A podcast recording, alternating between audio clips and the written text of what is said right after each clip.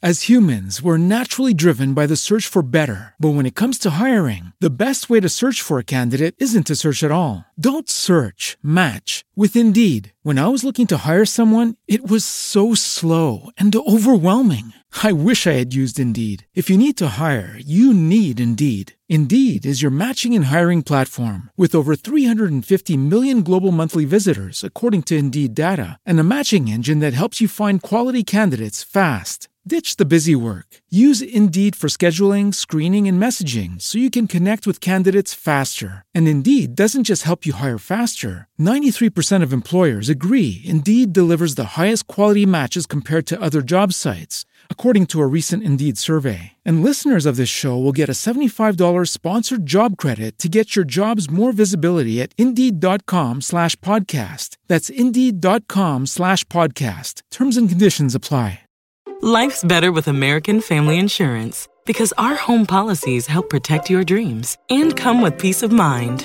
Save up to 25% by bundling home, auto, and life. American Family Insurance. Get a quote, find an agent at amfam.com. Products not available in every state. Discounts may not apply to all coverages on an auto or home policy. Discounts do not apply to life insurance policies. Visit amfam.com to learn how discounts may apply to you. American Family Mutual Insurance Company SI and its operating companies American Family Life Insurance Company 6000 American Parkway, Madison, Wisconsin.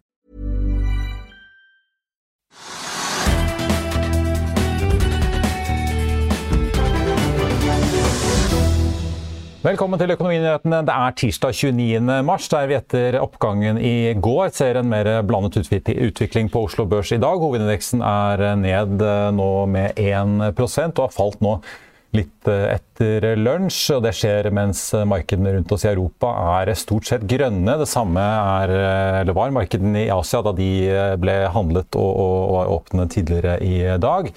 Og det er jo oljeprisen som er med på å drive ned mange aksjer her hjemme. Førstkommende torsdag så møtes jo OPEC pluss for å bestemme produksjonsnivået for mai måned. Og eh, kartellet har jo siden august økt produksjonsnivået med rundt 400 000 fat eh, per dag eh, per måned. Og analytikerne forventer ifølge TDN Direkt at OPEC vil holde seg på den månedlige produksjonsøkningen.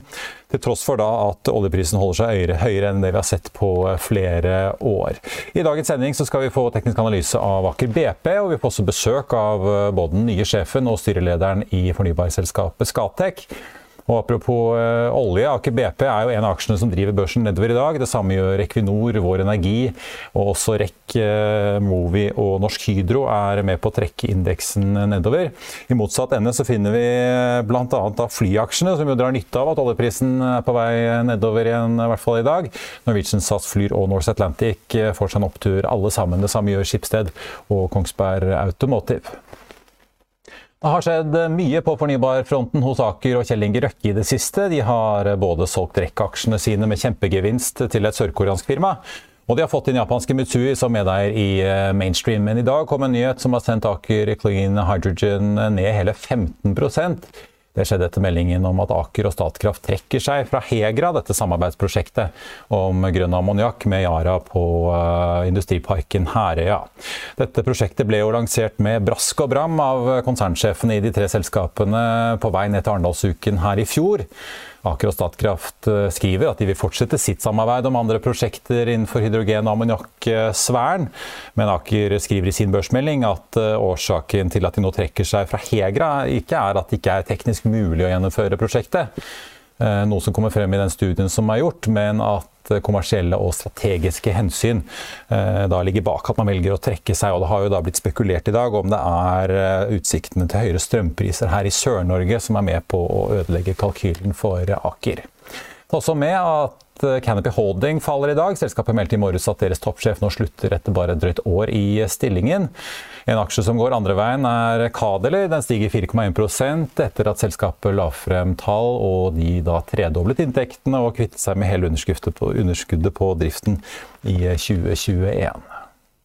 Før vi går videre i sendingen, husk at du også kan se sendingene våre ved å gå inn på fano-tv, og at vi også har andre podkaster enn bare Økonominyhetene, som Morgenkaffen, Gründerpodkasten Veien hit, Ukens vintips, Kunstpraten og bilpodkasten Mil etter mil. De finner du ved å søke Finansavisen, der du hører på podkast. Oljeprisen har falt tilbake i dag etter nyhetene om at store deler av Shanghai stenges ned som et koronatiltak, inkludert av finansdistriktet i byen. Nordsjøoljen har vært ned nesten 2% til 107,5 dollar i spotmarkedet i dag. Den har vært helt opp i 114, så det er jo store svingninger. Den amerikanske lettoljen er også ned nesten 2% til snaue 102 dollar fatet. Bloomberg har sett nærmere på hva koronafrykten og potensielle fremtidige grep fra kinesiske myndigheter kan ha si for oljeappetitten. When it comes to these virus restrictions in the likes of Shanghai with a new lockdown, we've already had the Shenzhen lockdown, we've had several lockdowns across China. Uh, how long does the impact last on the oil space? Well, you know, as you say, we've seen oil extend those declines uh, this morning, and that reflects, I guess, the fact that traders, yes, they're looking at the specifics of the Shanghai situation uh, and, the potential for uh, for, for, weaker demand there, for, for, weaker mobility in Shanghai. But I think most importantly, you know, what we're seeing is a market that is worried about the potential for a wider resurgence of cases across China and the impact that that would have on, on global oil demand. China, of course, accounts for about 15 million barrels a day. So, you know, any indication of any sort of wider, wider curbs, of a spread of restrictions to more cities, that would have a much more serious impact. And I think that's what we're seeing people, uh, people just starting to worry about a little. What's being forecast now and how much these restrictions could dampen demand? Yeah, I mean, you know, in Shanghai, and Shanghai does only account for a, for a small percentage of China's overall demand, but certainly if we look at yesterday, you know, we saw clear impacts on, on lower mobility. Um, you know, morning congestion on Monday was about 45% lower than a year ago. So you can see that there are fewer cars, fewer public transport on the street. Uh, you know, we've seen forecasts already from consultants, energy aspects. They, they, they, they've trimmed their projection on demand this month by 700 uh, thousand barrels a day and by 600,000 barrels next month. So certainly, uh, certainly there are expectations that these specific curbs will lower demand. So what are we expecting from the OPEC Plus meeting this week? Yeah, quite well. I mean, at this stage, very little. The expectation is that you know the OPEC and its allies they will when they meet on Thursday they're going to go ahead with the long-standing plan to uh, to increase production. Now that is only for quite a modest boost to, to output. Uh, it's for an increase of about 430,000 barrels in May. Um, one note of caution on that, though, we did hear on Monday from the energy minister of the UAE, uh, and he was indicating that you know the, the group is looking at the situation, uh, and he did say that if the market is in balance, then you know perhaps potentially producers wouldn't want to be putting more resources into a market that's in balance. So uh, look, we expect them to go ahead, but quite clearly they're, they're taking a very careful look at the situation. Da skal vi over til dagens aksjetips, der vi bl.a. ser på hva en oljeaksje egentlig har vært i disse dager. Bare den siste uken har vi sett oljeprisen gå fra 114 dollar fat opp i 123 før den deiset ned i 109. Og I dag har vi altså vært oppe i 114 før den falt litt igjen. Siden bunnen utpå våren 2020 så har jo olje- og gassaksjer opplevd en vanvittig opptur, særlig nå under energikrisen. Men er det mer å gå på? Kollega Sindre Nikolai Aker har mer. Jeffreys mener du kan tjene 50 øre per krone du investerer i fjorårets gigantnotering på Oslo Børs, og spår aksjen opp til all time high-nivåer. Dette er dagens viktigste oppdateringer fra meglerhusene. Oljesektoren får gjennomgå i dagens analyser, og Equinor får kursmålet hevet til 370 kroner av Oddvar Bjørgan i Carnegie.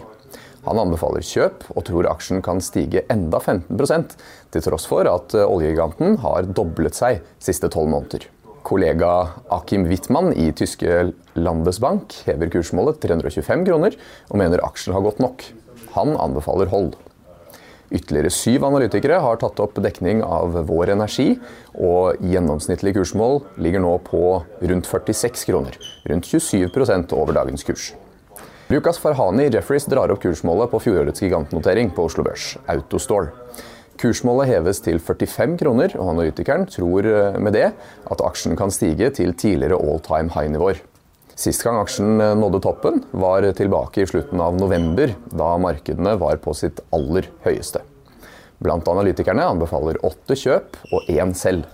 Legger du penger i Autostore i dag, kan du få nær 50% avkastning, skal vi tro Jeffreys-analytikeren.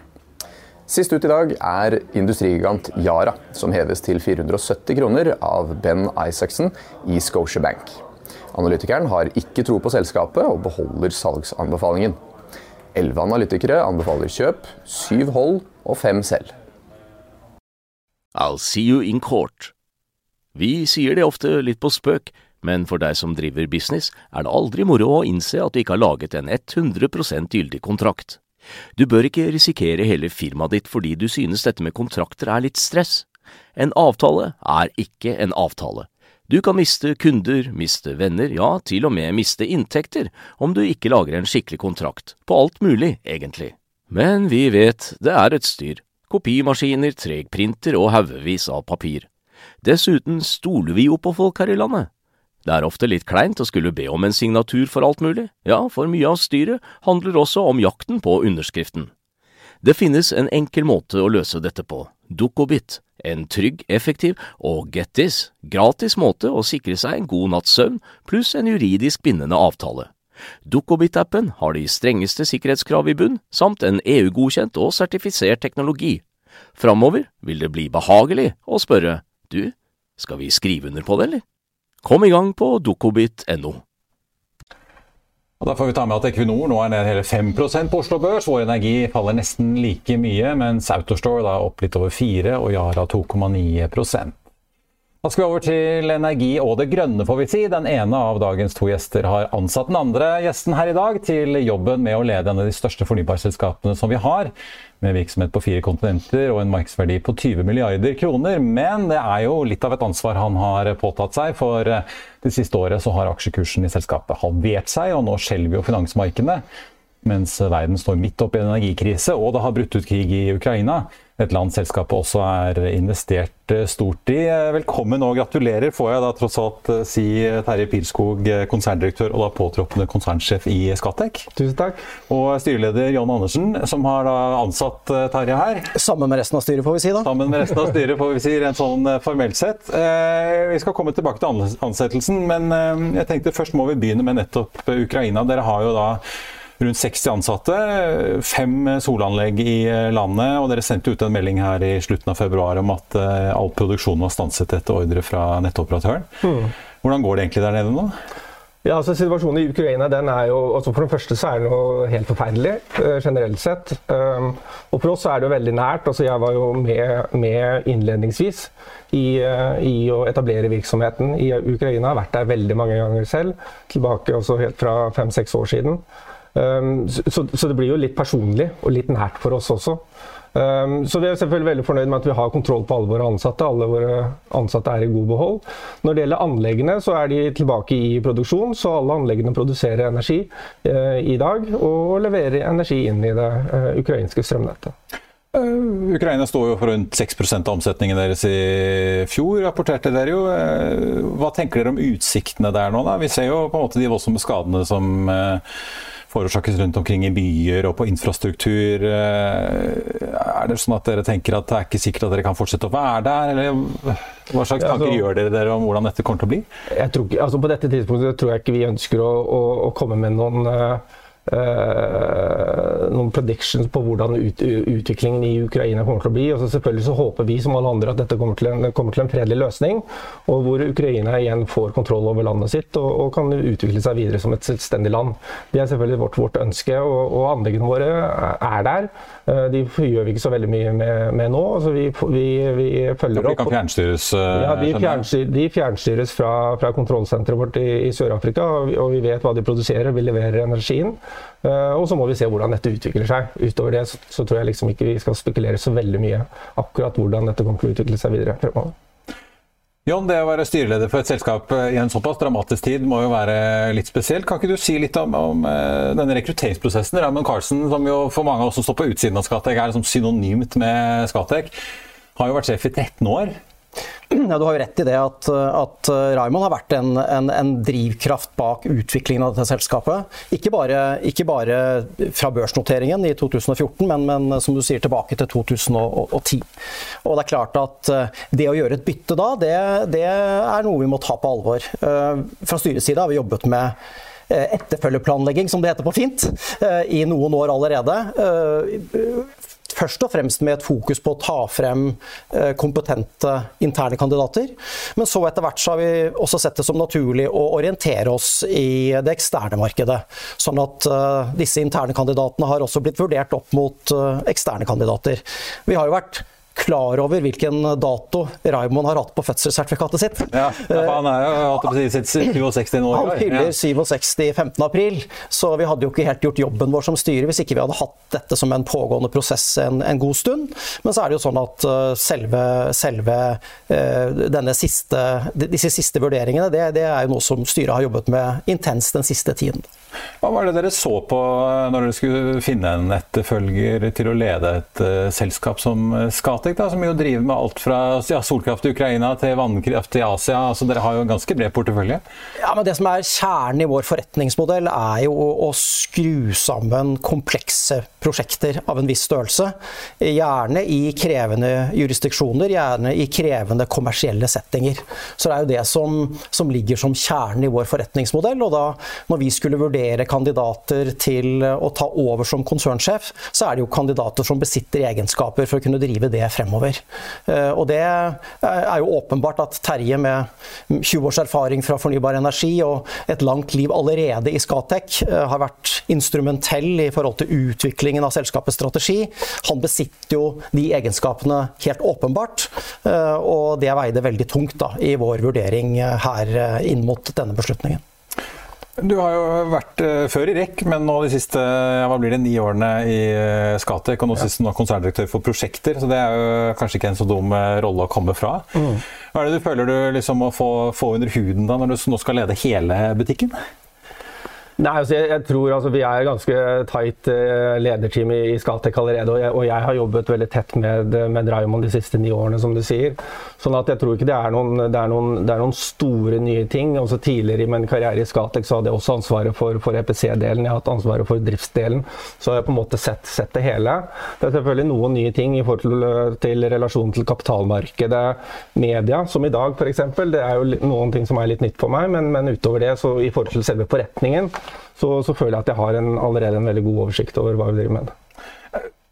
Jeg tenkte Vi må ta litt, eh, litt om da, apropos prosjekter. altså Litt det dere står nå og håndterer. Eh, dere, det har jo vært et par på en måte litt sånn milepæler i oktober i fjor, hvor dere kom ut eh, med en børsmelding hvor dere sa at dere når ikke vekstmålet for 2021. Eh, eh, det ble jo litt sånn teknisk kraftmessig, men det var jo at man skulle nå 5,9 gigawatt med installert kapasitet eller utbygging. Rett og slett fordi en del av prosjektene ikke nådde avkastningskravene deres. Mm. Nå ser vi at både, ikke bare fornybarbransjen, men oljebransjen, industri møter jo da, og for privatpersoner møter jo økte kostnader rundt baut, på alt fra terrassebord til stål. Hvordan ser det ut nå, da? Er det sånn at større deler av porteføljen er i fare for å måtte bli satt på vent eller hold? Rett og slett fordi at lønnsomheten er for tynn? Ja, altså det som vi har vært ute og kommunisert, og det som Raymond og, og Mikkel, vår CFO, var ute og kommuniserte i forbindelse med Q4-rapporteringen i januar, eller var kanskje begynnelsen av februar, faktisk, eh, det eh, er at vi har, vi har en backlog med prosjekter som vi har som, som målsetting å få, få, få, få, tatt til financial close og satt i gang med å bygge i løpet av året i år. Og De prosjektene er vi komfortable med når det gjelder lønnsomhet, og, og regner med at vi, vi, fortsatt skal få de på plass og, og, få satt i gang bygging av de prosjektene i løpet av, av året i år. Og Da krever dere fortsatt 12-16 Da eh, det krever fortsatt on average 12-16% avkastning på de, de prosjektene, og det ser vi for oss at, at eh, det skal vi få til. Um, så gjelder det jo på en måte det mer langsiktige perspektivet på, på industrien. Og, og, og, det å skaffe nye prosjekter, slik at vi kan fortsette veksten vår også utover uh, 2022, men inn i, i 2023 og frem mot vekstmålene våre i, i, 2025. Og da er det jo sånn at med det geopolitiske som skjer nå, med råvaresituasjonen, ikke minst på olje og gass, så blir jo fornybar egentlig bare mer og mer attraktivt. Altså, altså for det første så kan man levere fornybar energi ganske raskt, uh, og for det andre så, så så, tilbyr fornybar energi en energiløsning som på en måte er, eh, ikke er fuel-cost-relatert. så du slipper å forholde deg til eh, variasjonene i, i fuelkostnader.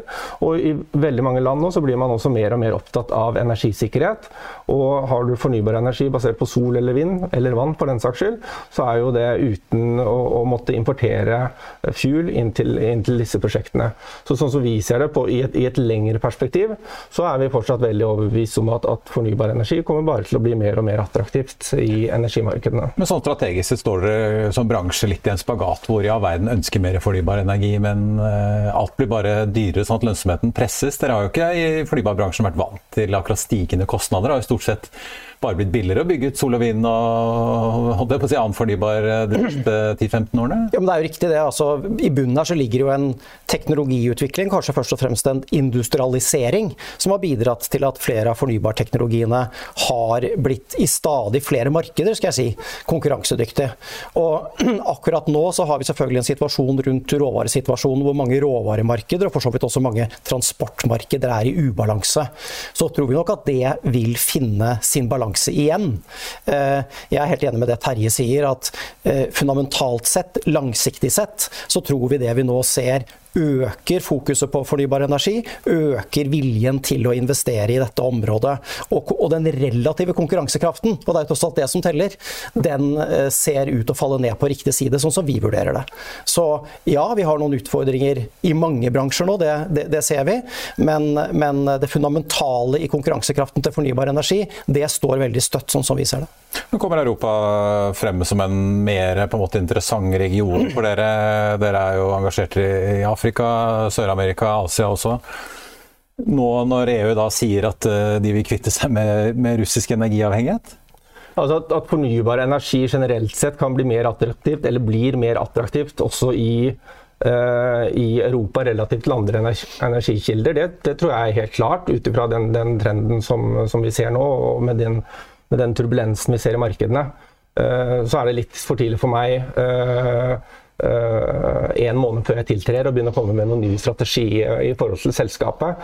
Men, men at vi ser at det er, er interessante bevegelser i Europa, ja, ja, det er helt klart. Det, det, vi har jo sett liksom aksjekursen, en del grønne aksjer begynner å røre litt på seg i positiv retning altså, etter at dette er fordi man leser det som at Brussel ønsker eh, mer prosjekter og kanskje er villig til å sette penger bak de ordene? Ja, og så tror jeg man må være klar over at dette er en utvikling som har pågått en stund. Den har selvfølgelig blitt forsterket og kanskje tydeligere artikulert av de senere tids hendelser. Men selv før covid, og i hvert fall gjennom covid, så har vi jo sett at både på amerikansk side og på europeisk side, så er det en forsterket innsats for å bygge mer regionale verdikjeder. Igjen, dette er ikke noe som er hva skal si, begrenset til fornybar energi, det ser man i mange industrier. Og så har det som har skjedd de siste ukene, bidratt til, et, til en forsterkning av den innsatsen. Så hvorvidt det er markedsmessig satsinger som vi skal bi oss inn på, det, det er jo et annet spørsmål spørsmål, men, men for fornybar energiindustrien så, så, er det nå et, et, en betydelig interesse rundt nyetableringer, faktisk. Både i Europa og i USA. Eh, etter at industrien i mange år har vært veldig sentrert rundt Asia. Men Er det riktig å tolke dere at dere ikke tror denne prisoppgangen vil være varig, men mer av en mer midlertidig karakter på de råmaterialene som dere trenger inn? Jeg, jeg tror det som er, er, viktig å ha med seg, er denne relative Eh, de relative konkurransemessige forholdene. ikke sant? Ja, ja. Eh, det kan godt hende at, at, vi ser på noen innsatsfaktorer at, at, vi får forhøyde priser, men samtidig så skal vi jo konkurrere da mot andre energikilder som kanskje er like mye eksponert mot de samme råvareprisene. Så eh, det er ikke det at vi er upåvirket eller, eller ikke interesserer oss for disse prissvingningene, men det er jo ikke de relative bevegelsene som vi er mest, mest fokusert på. Men regner, altså, Betyr det at marginene deres vil være under press hvis ikke dere klarer å øke inntjeningen fra fra anlegg fremover? Det, altså, nå er det jo sånn at altså, På de anleggene vi allerede har i produksjon, og de anleggene som vi, vi ser for oss å bygge, begynne å bygge i løpet av eh, året i år, så er jo på en måte eh, størstedelen av, av inntekten knyttet til de anleggene er jo sikkerhet på langsiktige kontrakter. Slik at den, den løpende inntjeningen vår er jo, er den, er satt, den er allerede satt. Men da er det jo fremtidige prosjekter dere ikke har sanksjonert, som egentlig er litt i Ja, spill sånn sett, da. Ja. Ja, og de vil jo da, de vil, Der skal vi jo da ut og konkurrere i, i markedet om å, å sikre nye kontrakter for, for nye prosjekter. og det er klart at Markedet det vil jo bli påvirket av, av energikostnader generelt sett og, og råvarepriser og, og, og sånne ting. Sånn at, sånn at de nye kontraktene de vil vi jo inngå på priser som på en måte reflekterer markedet.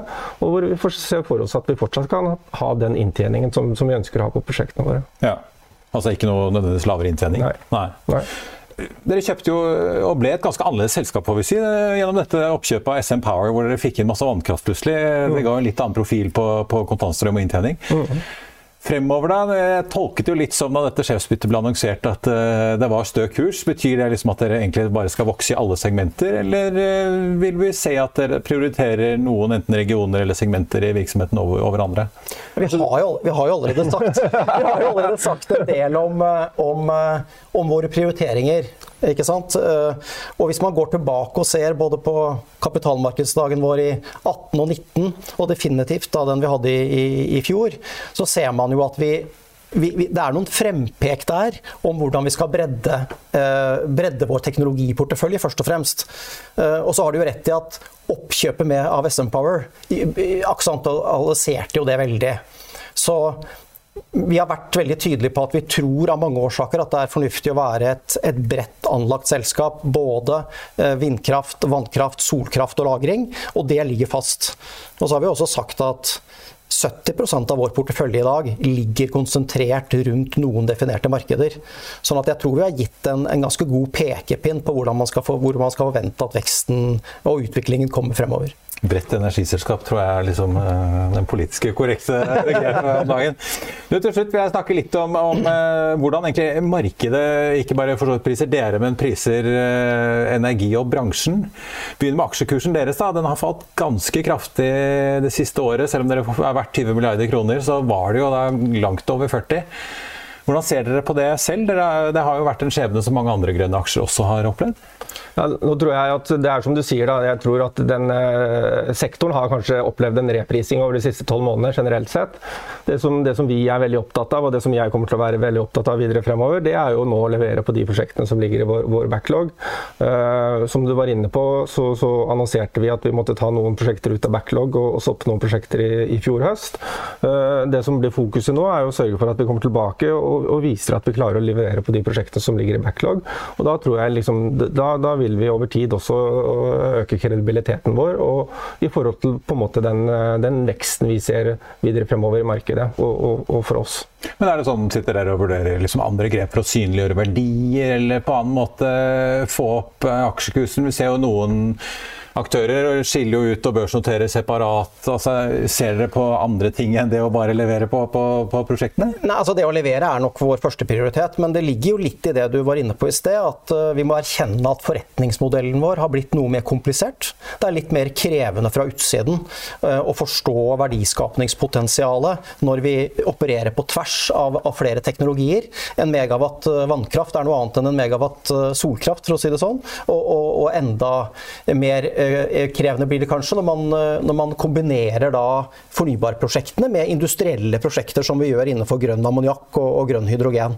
Så vi har en jobb å gjøre i, i forhold til å bli flinkere til å kommunisere verdiskapningspotensialet. Men jeg tror eh, førsteprioritet må være å levere på de forventningene som vi selv i stor grad skaper på når vi skal levere prosjekter, akkurat som Terje er inne på her tidligere. Ja, for Raymond Carlsen var ute i går og sa at uh, Skattek aldri vært i en bedre posisjon, men ser man på aksjekursen så skulle man jo ikke tro det. Er det, er det en mismatch liksom, mot hva dere opplever at uh, hvordan utviklingen er internt versus hvordan da markedet priser dere og, og tilsvarende aksjer? Vi, jeg, ikke, jeg, skal kanskje ikke svare så mye på, på mismatchen, men altså, det, vi oppfatter i dag at vi er i en, en veldig sterk posisjon. Altså, under, under Raimonds ledelse så har vi byg, bygd opp en veldig sterk posisjon, både i forhold til å ha en, en, en, sterk organisasjon, bra erfaring, god kompetanse. Vi har en, bred verktøykasse som Jon snakker om, og hvor vi på en måte har god forståelse for en del forskjellige teknologier. Og så har vi en, en geografisk posisjon uh, i de områdene i verden hvor fornybar energi er billigst globalt.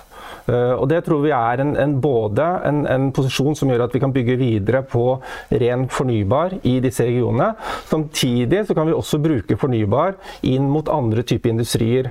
Fordi at når, fornybar er, når vi er der hvor fornybar er billigst, så kan vi bruke det f.eks. inn mot grønt hydrogen, inn mot grønn ammoniakk. Og der kommer man også til å se en veldig stor Eh, utvikling videre fremover. Så Det er også grunnlaget når Raymond sier at vi har aldri vært i en bedre posisjon. Vi føler nå at det er mange ting som, som, som, på en måte passer sammen. Hvor vi sitter på en posisjon hvor det kommer til å komme masse muligheter for oss til å videreutvikle vår, vår virksomhet. Så vi har, vi har, kjempetro på det, og håper at over tid så vil vi også klare å synliggjøre det for, for aksjemarkedet videre fremover. Jon, til slutt, er det, er det en annen kalkulator eh, på en måte hos folk på børs versus eh, den ja, det, er, det er en veldig farlig diskusjon. Nei, men ikke sånn. Men, men, hvis du bruker Vi har jo snakket denne uken om, om, om da, Aker og Røkke som, som, fikk inn Mitsui, japanske Mitsui i, i, i mainstream. Ja. Som jo er en, også en stor fornybaraktør. Mm. Jeg trenger ikke å sammenligne og du trenger ikke å kommentere akkurat den dealen, men der var det jo en, en voldsom forskjell fra det kanskje markedet og en del analytikere og vi i media kanskje trodde at Aker måtte jekke ned verdien av dette her. Eh, til det faktisk japanerne var villige til å betale. Opplever dere også at det er veldig stor forskjell avhengig av hvem man spør? Eh, for å si det sånn? Ja, du peker jo på noe at eh, et, et, industrielt perspektiv er av og til litt annerledes enn et finansielt perspektiv. Og det er, det er ikke så, så, så merkelig. Det. Er, det er, litt ulike tilnærminger, litt ulike tidshorisonter, litt ulike hva skal jeg si, vurderingskriterier. Når vi sier at vi syns vi er i en veldig god posisjon og aldri har vært i en bedre posisjon, så handler jo det om vår industrielle posisjon. Eh, og, og, og der eh, ser vi veldig, veldig mange utviklingsmuligheter. Først og fremst fordi at eh, disse industrielle løsningene nå er veldig konkurransedyktige. Og det ser nok aktører på innsiden av disse industriene på en litt annen måte kanskje enn det som er synlig for, for finansmarkedet helt sånn fra utsiden. Styreleder John Andersen og får si påtroppende konsernsjef og da nåværende konserndirektør for prosjekter i Skatek, Terje Pilskog. Takk for at dere kom, og så får vi si lykke til. Og så blir det masse å følge med på hva Brussel finner på fremover, og hva de ønsker av fornybare prosjekter. Mm. Hva skal dere ha? Tusen takk. Harmony Chain er ned 2 i dag. Toppen i selskapet vil nå ha et gigantisk opsjonsprogram til seg selv, og Finansavisen skriver jo i dag at gründer og teknologidirektør Christian Rustad gikk til frontalangrep på resten av styret da forslaget kom opp eh, nylig. Quantafuel ble mandag en av dagens store vinnere, med en oppgang på hele 31,1 etter å ha kunngjort eh, proof of concept for sitt anlegg eh, i Skive i Danmark. Tirsdag faller imidlertid aksjen tilbake ja, nesten 9 Arctic-analytiker Ivan Ryttevold sa i går til Finansavisen at han ville vært forsiktig med å juble for tidlig på selskapets eh, gladmelding. Og på Oslo Børs nå så har hovedindeksen ned hele 1,2% og dermed har vi mistet ganske mye høyde nå bare siden lunsj. Oljeprisen er jo fortsatt godt på vei nedover. Vi var jo oppe i 114 dollar fatet for et fat nordsjøolje i spotmarkedet tidligere i dag. Nå ligger prisen på 105,90, en nedgang på 3,2 og Vi ser også at den amerikanske lettoljen har bikket under 100 dollar fatet i dag. Eh, ja, også ned da nesten 4% Det fører til at vi bl.a. har et ganske solid fall på Oslo Børs blant oljeaksjene i dag. Equinor er nå ned hele 6,1% Aker BP er ned 3,9 mens Vår Energi ligger ned 3,6% og det trekker jo da hovedveksten kraftig ned. Vi ser også at Norsk Hydro faller ganske kraftig, 7,2 Eh, I andre enden så finner vi bl.a. flyselskaper som eh, får seg et eh, solid løft på lavere drivstoffpriser, i hvert fall utsiktene til det. SAS opp 14% på Oslo Børs i dag. Norse Atlantic 4,7. Norwegian opp 8% mens Flyr ligger etter med 6,7% oppgang i dag. I Finansavisen i morgen kan du lese Trygve Hegnars leder om bøndenes egen næringslivsavis. Du kan lese om vekstselskaper som støvsuger markedet for egne aksjer etter kursfall. Det blir børsintervju med Hilde Jensen i Nordea, og du kan lese om en LNG-smell for Havila og Kystruten. Det var det vi hadde for i dag, men vi er tilbake i morgen altså klokken 14.30. I mellomtiden får du som alltid siste nytt på fa.no. Mitt navn er Marius Lorentzen. Takk for følget, og så håper jeg vi ses igjen i morgen.